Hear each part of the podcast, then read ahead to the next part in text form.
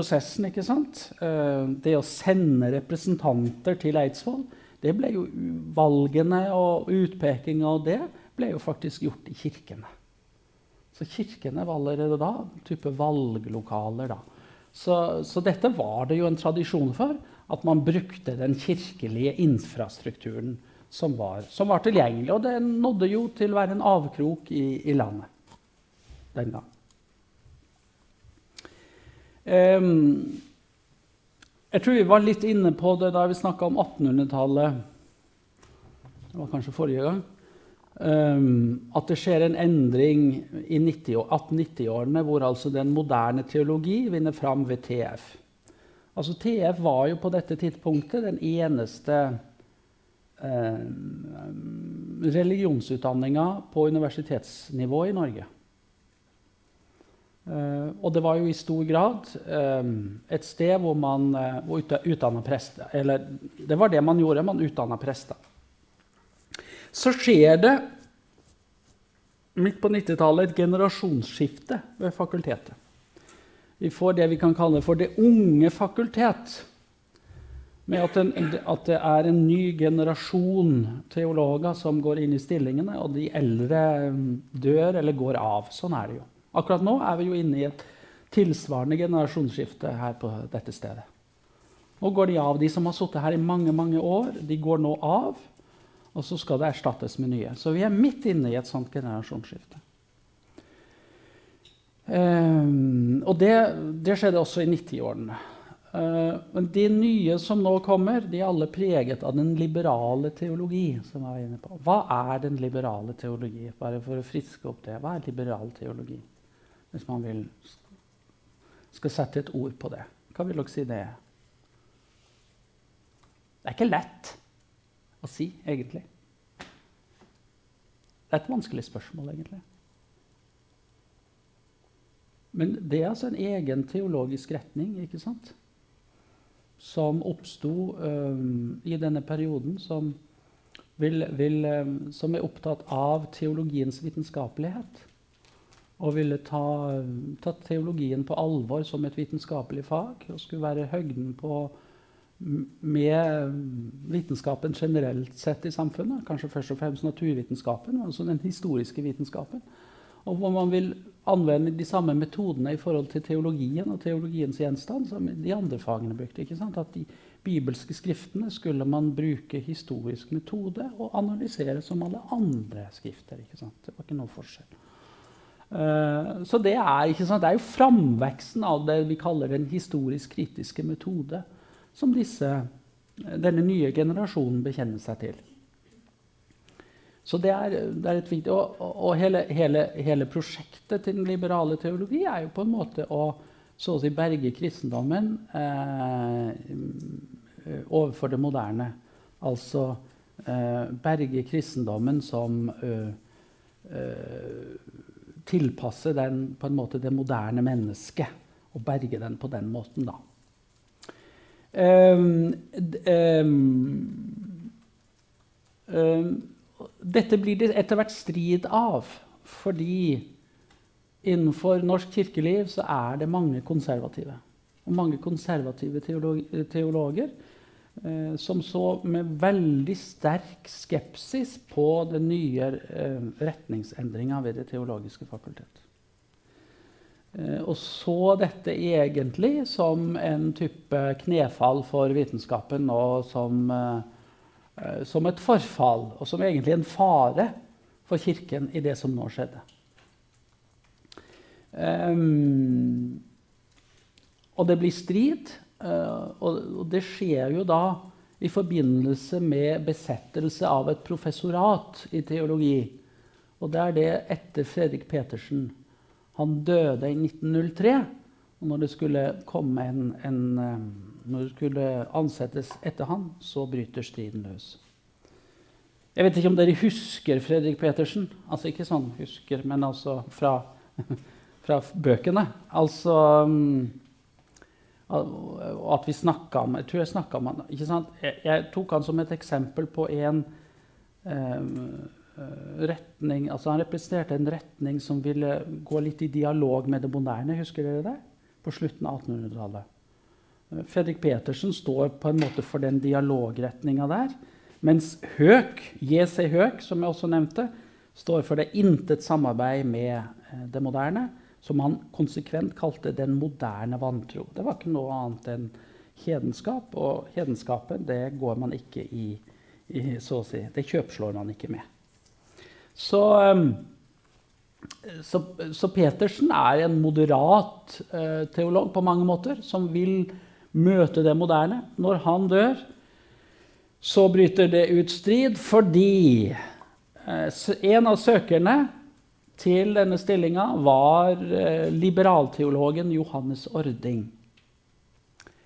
Og du vet, sånne, Når man søker på sånne stillinger, så skal det være sånn sakkyndig komité som skal vurdere arbeidene og alt sånt. ikke sant? Det er kompliserte ting. Um, og han ble da sagt å være utenfor den konfesjonelle grunntype. Det er litt vanskelige ord. Hva er den konfesjonelle grunntype? Altså, han var på en måte ikke luthersk nok. eller Han, han, ikke, han sto ikke nok for den rette lære, mente man. Uh, og spørsmålet var kunne en sånn mann være lærer på et teologisk fakultet som utdannet prester i Den norske kirke. Det var liksom striden og spørsmålet. Og Det tok lang tid, og dette spørsmålet nådde jo helt opp i regjeringa. For det var jo kongen i statsråd, dvs. Si regjeringen, som utnevnte professorer den gangen. Så det, altså, faktisk, Og dette var jo også parallelt med unionsstriden. Så det holdt jo faktisk på å felle hele regjeringa, dette spørsmålet her. Det er helt, uh, altså det er både første og eneste gang en tilsetting i et professorat i teologi har hatt stor, kunne hatt så store konsekvenser at det kunne ha felt en regjering. Men faktisk så var det sånn. Det var så ille, ikke sant? for det var jo et flertall og et mindretall i regjeringa for dette. Så det, og Kirkestatsråden var imot å utnevne, og han hadde noen som støttet seg. Så det var, det var ganske kaotisk.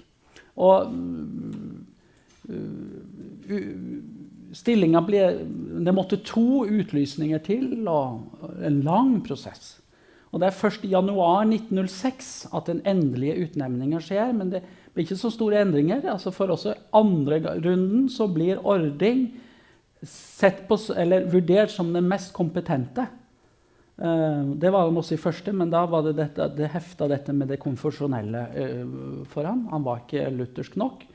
Eh, men til slutt så overkjører et flertall i regjeringa kirkestatsråden og utnevner han i januar 1906. Og det får ganske store følger. For det første så får det den følgen at fakultetets konservative medlem, altså professor Sigurd Åndland, som selv er konservativ og ikke tilhørte den liberale fløy, han søker avskjed umiddelbart. Jeg kan ikke fortsette å jobbe ved et fakultet som gir innpass til eh, en liberal teologi, en, en, en, og det i faget dogmatikk, som er på en måte et kjernefag for de som skal utdannes til prester. Eh, også kirkestatsråden Knutsen, som altså er blitt nedstemt i regjeringa, trekker seg umiddelbart som statsråd.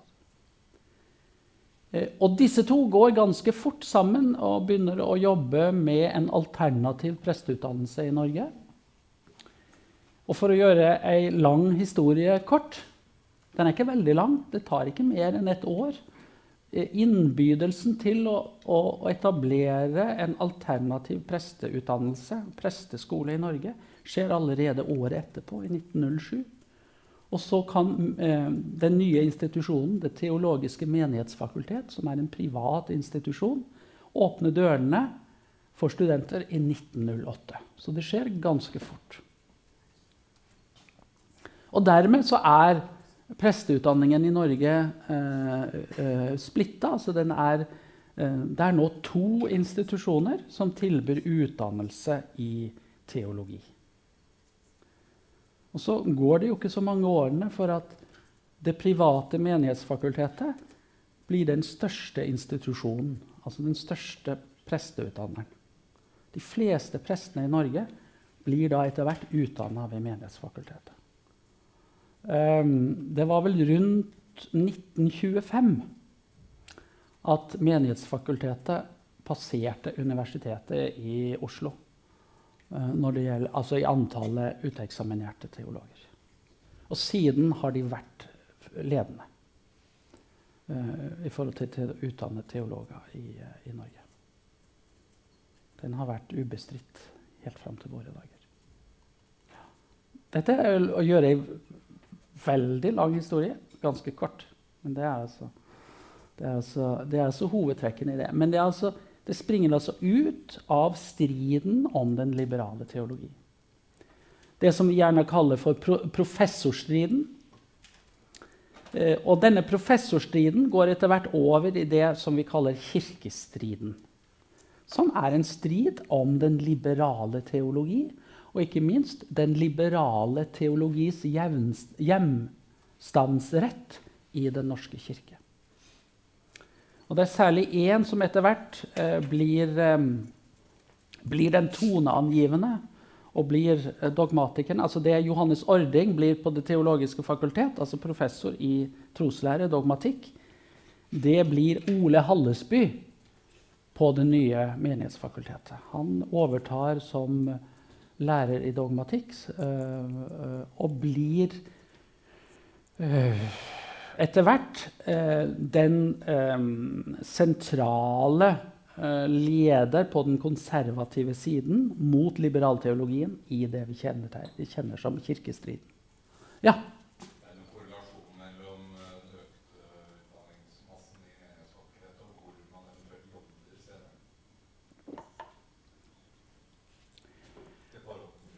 Nei, det, det, man utdanner først og fremst prester.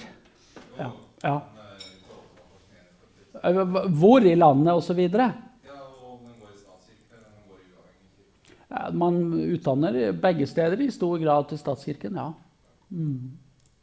Men så er det jo at, at, enkelte områder har jo etter hvert fått status som mer liberale bispedømmer, hvor det kanskje er flest fra universitetet Og nå snakker jeg historisk. Eh, fra Universitetet i Oslo. Hamar f.eks. har i hvert fall i etterkrigstiden utmerka seg et sted hvor det er relativt flere universitetsteologer enn Så det er litt sånn eh, Det er noen steder som har vært, vært det. Men ellers så vet du, så førte jo kirkestriden i stor grad til at eh, prester utdanna ved universitetet ble uglesett som liberalteologer og dermed som suspekte. Ikke sant? De, var, de lærte ikke rett og alt sånt. Ikke sant? Så, så universitetsteologer opplevde jo på mange måter å bli marginalisert når de kom ut i kirken. Og det er jo, for å si det sånn en, en, veldig negativ del av, av, det hele. Hvor man opplevde en marginalisering som har vært tydelig. Som nok ikke er så sterk i dag, men som i perioder nok uh, har blitt følt veldig sterkt. Dette med forskjellen TF og MF er nok ikke så viktig i dag som det var. Det er nok riktig å si. Ja? Ja.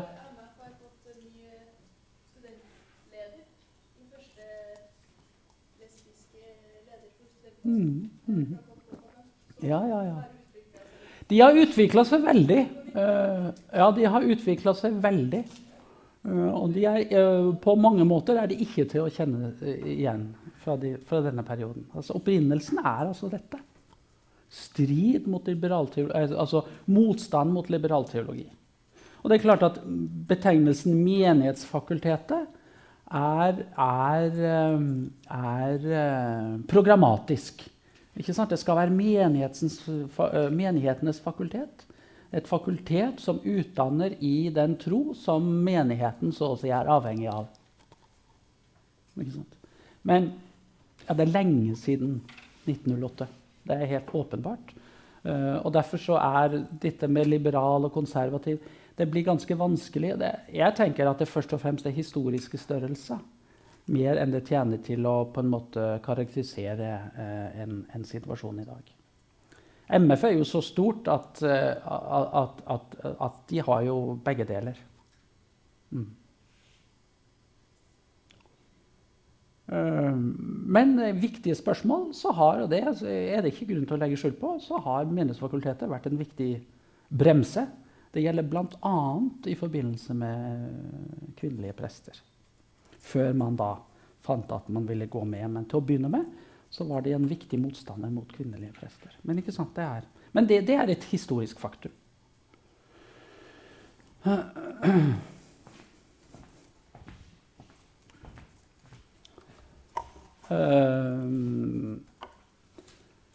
Kirkestiden innebar jo altså, som jeg sa, en kamp mot den liberale teologien med professor og etter hvert indremisjonsleder Ole Hallesby i spissen. Og han trådte for alvor på banen i, i 1919 i forbindelse med det såkalte Drammensmøtet, hvor begge de teologiske retningene uh, skulle være representert. Det var et forsøk på en type tilnærming og forsoning. Kall det gjerne dialog. Man brukte ikke ordet dialog den gang. Men en dialog mellom de teologiske retningene. Og dette møtet gikk altså Hallesby til frontalangrep mot. Gikk ut i avisene og sa hva slags tiltak er dette? Uh, Hallesby mente faktisk at liberalteologien egentlig representerte en annen religion. Liberalteologien er ikke kristendom, det er noe annet. Uh, og han, snakket, han, brukte begrepet om, om, sin posisjon, eller den konservative posisjonen. I dag snakker, snakker de som står på den sida, gjerne om klassisk kristendom. Han brukte begrepet positiv kristendom. Mot eh, liberalisme, som egentlig var vranglære og egentlig en annen religion. Altså Så sterk var frontene. Um,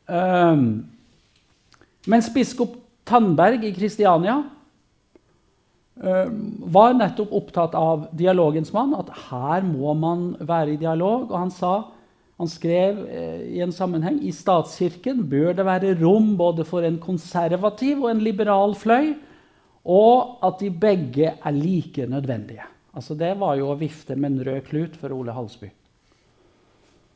Um, og hele denne striden den toppa seg jo i det såkalte Karl Meyer-gatemøtet i 1920 med utsendinger fra de kristne organisasjonene. Det var jo uh, nesten 2000 men, nei, i hvert fall nesten 1000 mennesker, ikke 2000, 1000 mennesker, tror jeg, uh, som var møtt. Og det var jo det store Karl Meyer-gatemøtet i Oslo. Det er revet nå. Uh, men det var, det var faktisk jeg tror det var Nordens største møtelokale. Det var svært. Så var det gallerier. Og til det der møtet så solgte de billetter, så at vanlige folk kunne komme og høre på. Så det var jo ikke sant, det møtet. Og der, på det møtet, som jo skulle være en kamp og en mønstring mot den liberale teologi, mot vranglæren ved Det teologiske fakultet og i Kirken, så vedtok man den såkalte Karl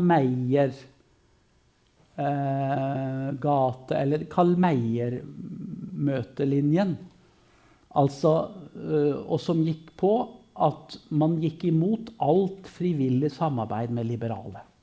Og det er klart, Som følge av denne parolen, eh, som jo egentlig var en boikottlinje mot liberale prester og liberale teologer Så i kraft av denne eh, Karl Meyer-møtelinjen så, så eh, ble altså eh, universitetsteologer sånn generelt eh, egentlig marginalisert.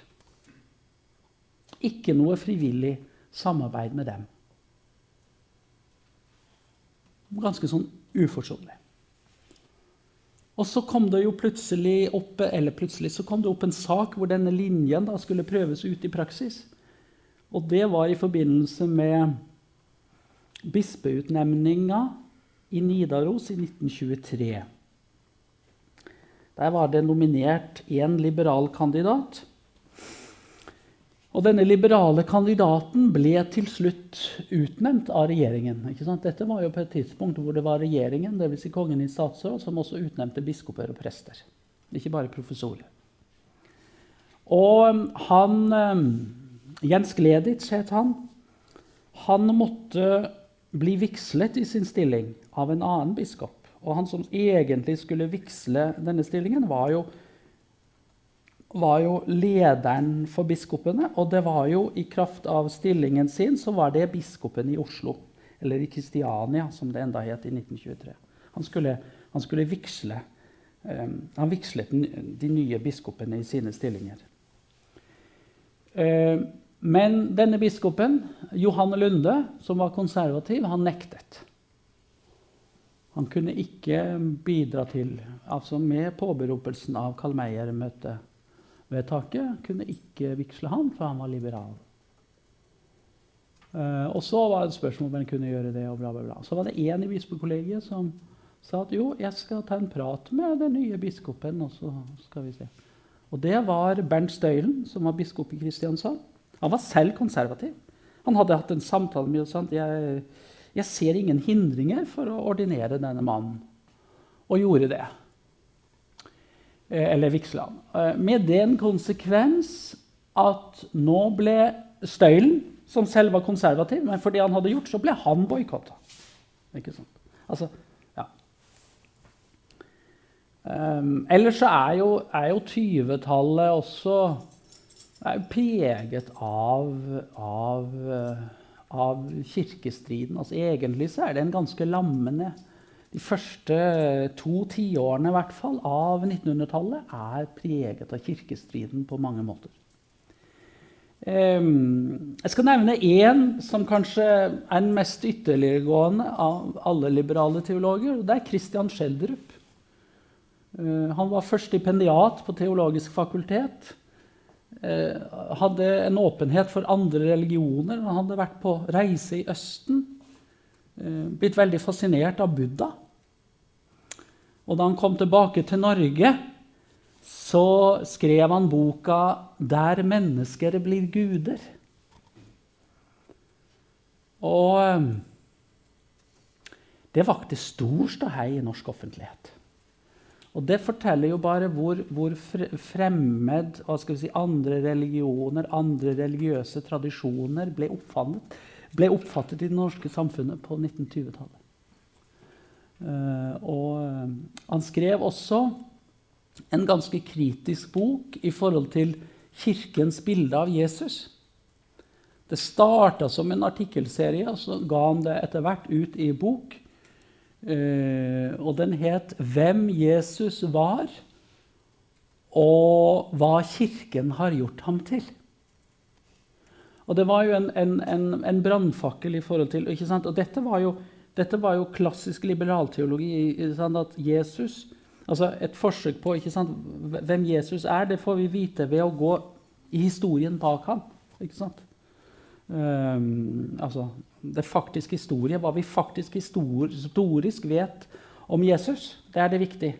Men her har altså Kirken bidratt til å forvanske og fordreie osv. Så, videre. så derfor altså, det er, et, det er en forskjell mellom den historiske Jesus, hvem han historisk sett var, og hva slags bilde vi får av hva Kirken har gjort ham til gjennom sine, sin lære og sine dogmer. Og det, det var en brannfakkel, faktisk, i i den offentlige og ikke minst den kirkelige debatt i 1920-årene.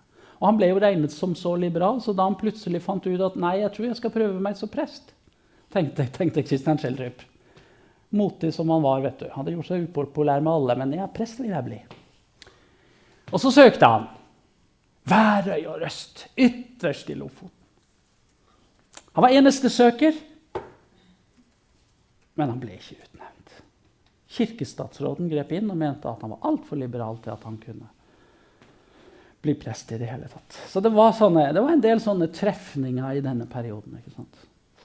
Striden mellom konservativ og liberal teologi.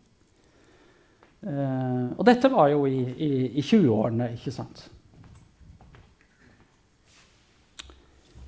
30-årene, uh, da begynner det hele å stilne litt av.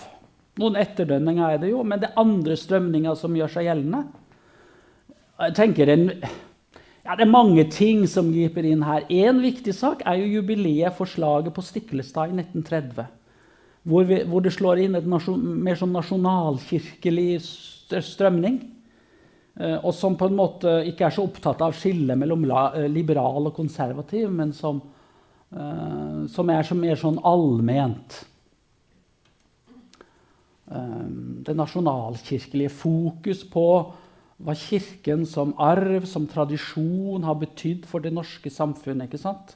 Ser tilbake på, eh, på Olav Haraldsson og ikke sant? Altså det, det er mer sånn overgripende. Så får vi en ny teologisk retning, som vi gjerne kaller for nyortodoksi eller nykirkelighet. Som er et brudd med subjektivismen, som både kjennetegna den pietistiske vekkelseskristendommen, som Ole Hallesby sto i, den tradisjonen, og liberalteologien, som også var opptatt av det subjektive og det menneskelige. og alt det. Nå får det et annet fokus, nemlig Kirken i sentrum. Og vi får et slagord som blir formulert 'Vi tror på dogmene'. Altså, Kirken rykker på en måte inn i sentrum på en måte som den ikke tidligere eh, hadde gjort. altså. Fokus på det mer objektive i det kirkelige uttrykket. Så kommer en ny jeg nærmest kaller det en, en overklassevekkelse. Eh, den såkalte Oxford-gruppebevegelsen, eller Oxford-grupperørsla, hvor mange mm, teologer, folk i det øverste sjiktet i samfunnet, forretningsfolk, næringslivsfolk, blir grepet av denne, denne eh, vekkelsen. Den kommer fra USA. Man har, sånne, man har sånne møter, man kaller det house parties. Eh, hvor det er viktig å sharing, altså dele sine synder. Og, og, altså det er en sånn Og den, den, den, den, går på en måte ikke inn i skjemaet liberal-konservativ. Altså den, er en annen. Mange, mange, blir preget av Forfattere, f.eks. For eksempel. en av de sentrale forfatterne som gripes av denne bevegelsen, er jo Ronald Fange. En av de få kristne forfatterne i Norges mellomkrigstid. faktisk. Han blir, han blir, han blir, eh, han blir vekket gjennom Oxford, faktisk.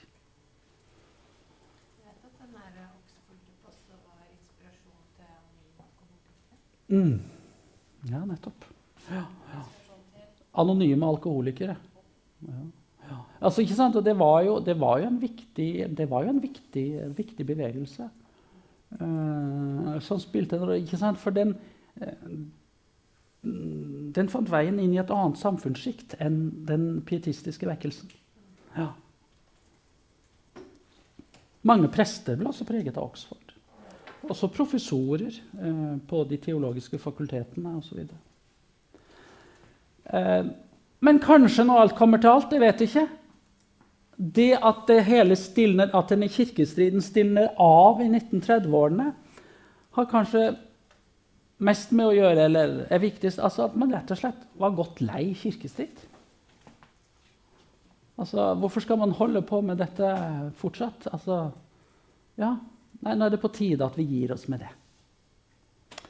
Og så har vi en én, to, tre, fire I hvert fall femte faktor. Og det er jo at etter hvert så blir oppmerksomheten um, Kirkens oppmerksomhet retta mot kritikk utenfra. En, en, en, stadig sterkere arbeiderbevegelse som kritiserer og er kritisk til Kirken. Eh, kulturradikalismen, eh, som fremmes først og fremst av eh, de radikale forfatterne i mellomkrigstida. Og den nye seksualmoralen, som delvis de samme forfatterne forfekter. Eh, men som også ikke sant, med, med eh, freudianismen og hele dette eh, kommer inn, og som på en måte utfordrer kirkens eh, restriktive seksualmoral osv. Så, så um, Kirken får på en måte nok å tenke på med dette som kommer inn utenfra, og utfordrer Kirken. Eh, og det gjør da at OK, dette med indre strid er ikke det vi behøver å bruke krefter på nå. Vi må mer rette kreftene mot det som utfordrer oss utenfra. Og det er nok også et veldig viktig eh, bidrag til at, at, det hele stilner av. Så på en måte kan man si at 30-årene er en litt sånn litt, litt uspennende tid. altså, striden slappes av og tones litt ned. Men spenning blir det jo nok av, fordi 9.4.1940 så skjer det jo et eller annet med det norske, eh, norske samfunn eh, i samfunnet fem år.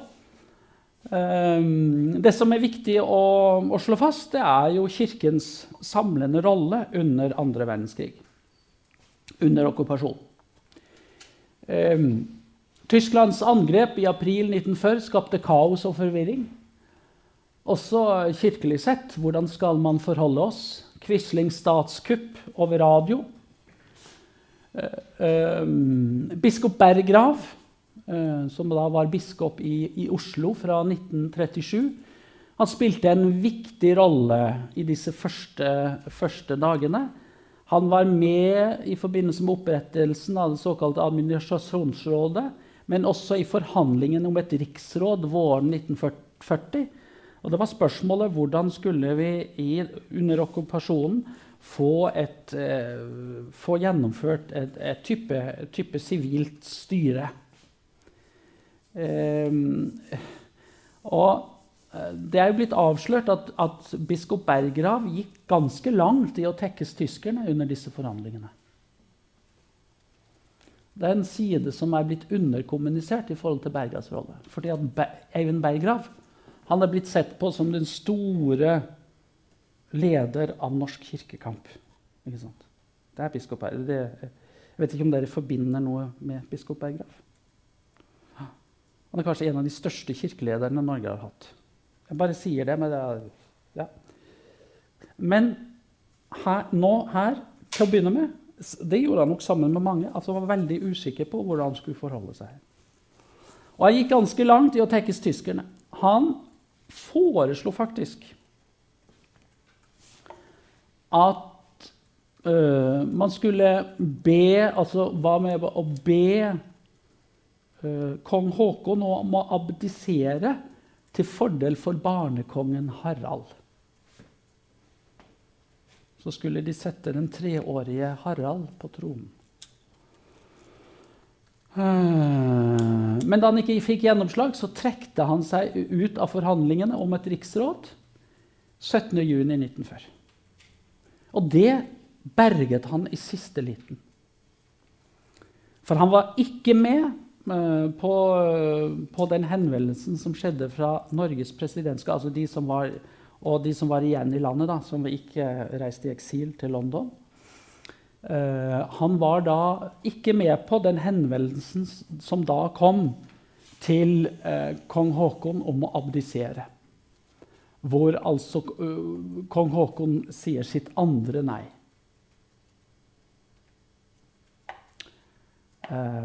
kongens andre nei. Når var kongens første nei?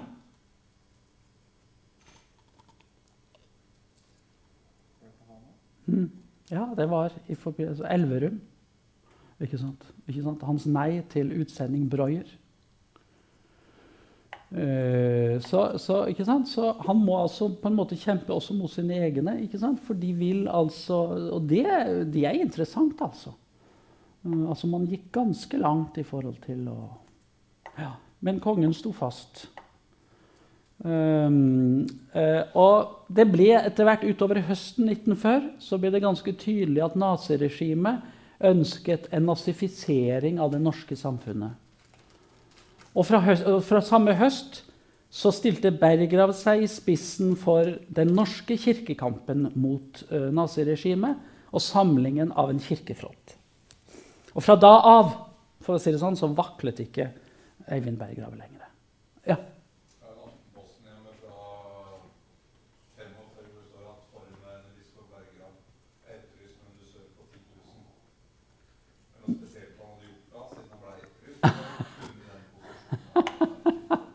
Det er interessant.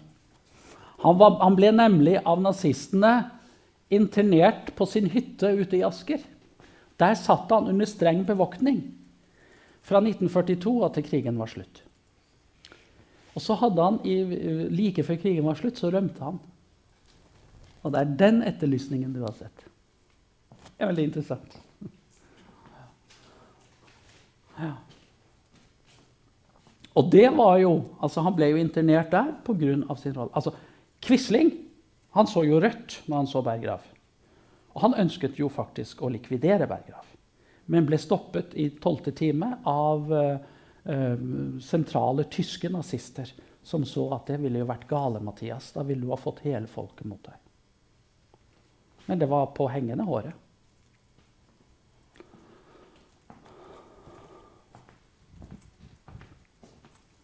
For det er klart at da ville Berggrav ha blitt en type nasjonalhelt. Eh, som eh, Ja. Og vanskeliggjort, hva skal vi si eh, situasjonen for tyskerne i den norske befolkningen. Um, her er forsiden fra Time Magazine. Jeg tror faktisk det er uh, juledag 1944.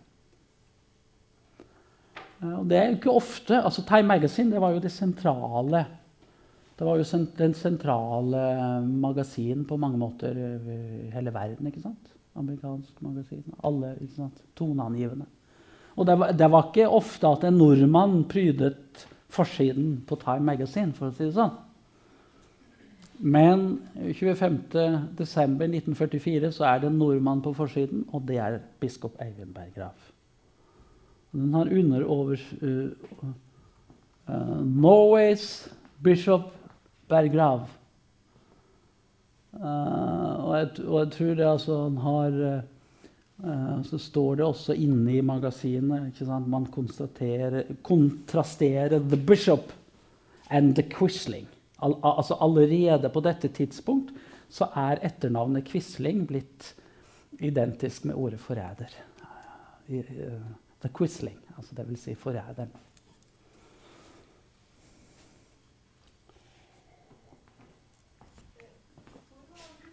Hæ? Han var først biskop i Tromsø. Eh, han ble biskop i Tromsø i 1929. Og det vil si hele Nord-Norge, altså Hålogaland. Og det var han til han i 1937 ble biskop i Oslo. Og dermed ble den ledende biskopen. Og det er i kraft av det, å være ledende biskop at han også påtar seg oppgaven. Og, og han er den ledende i hele hva skal vi si, kirkens kamp mot naziregimet. Han, han er lederen av kirkekampen fra høsten 1940. Og det er under hans ledelse at Kirken blir en nasjonal samlingsfaktor i motstanden mot nazismen. Det er viktig å si at denne motstanden også var økumenisk altså andre kirkesamfunn, stilte seg òg bak Den norske kirkes kamp.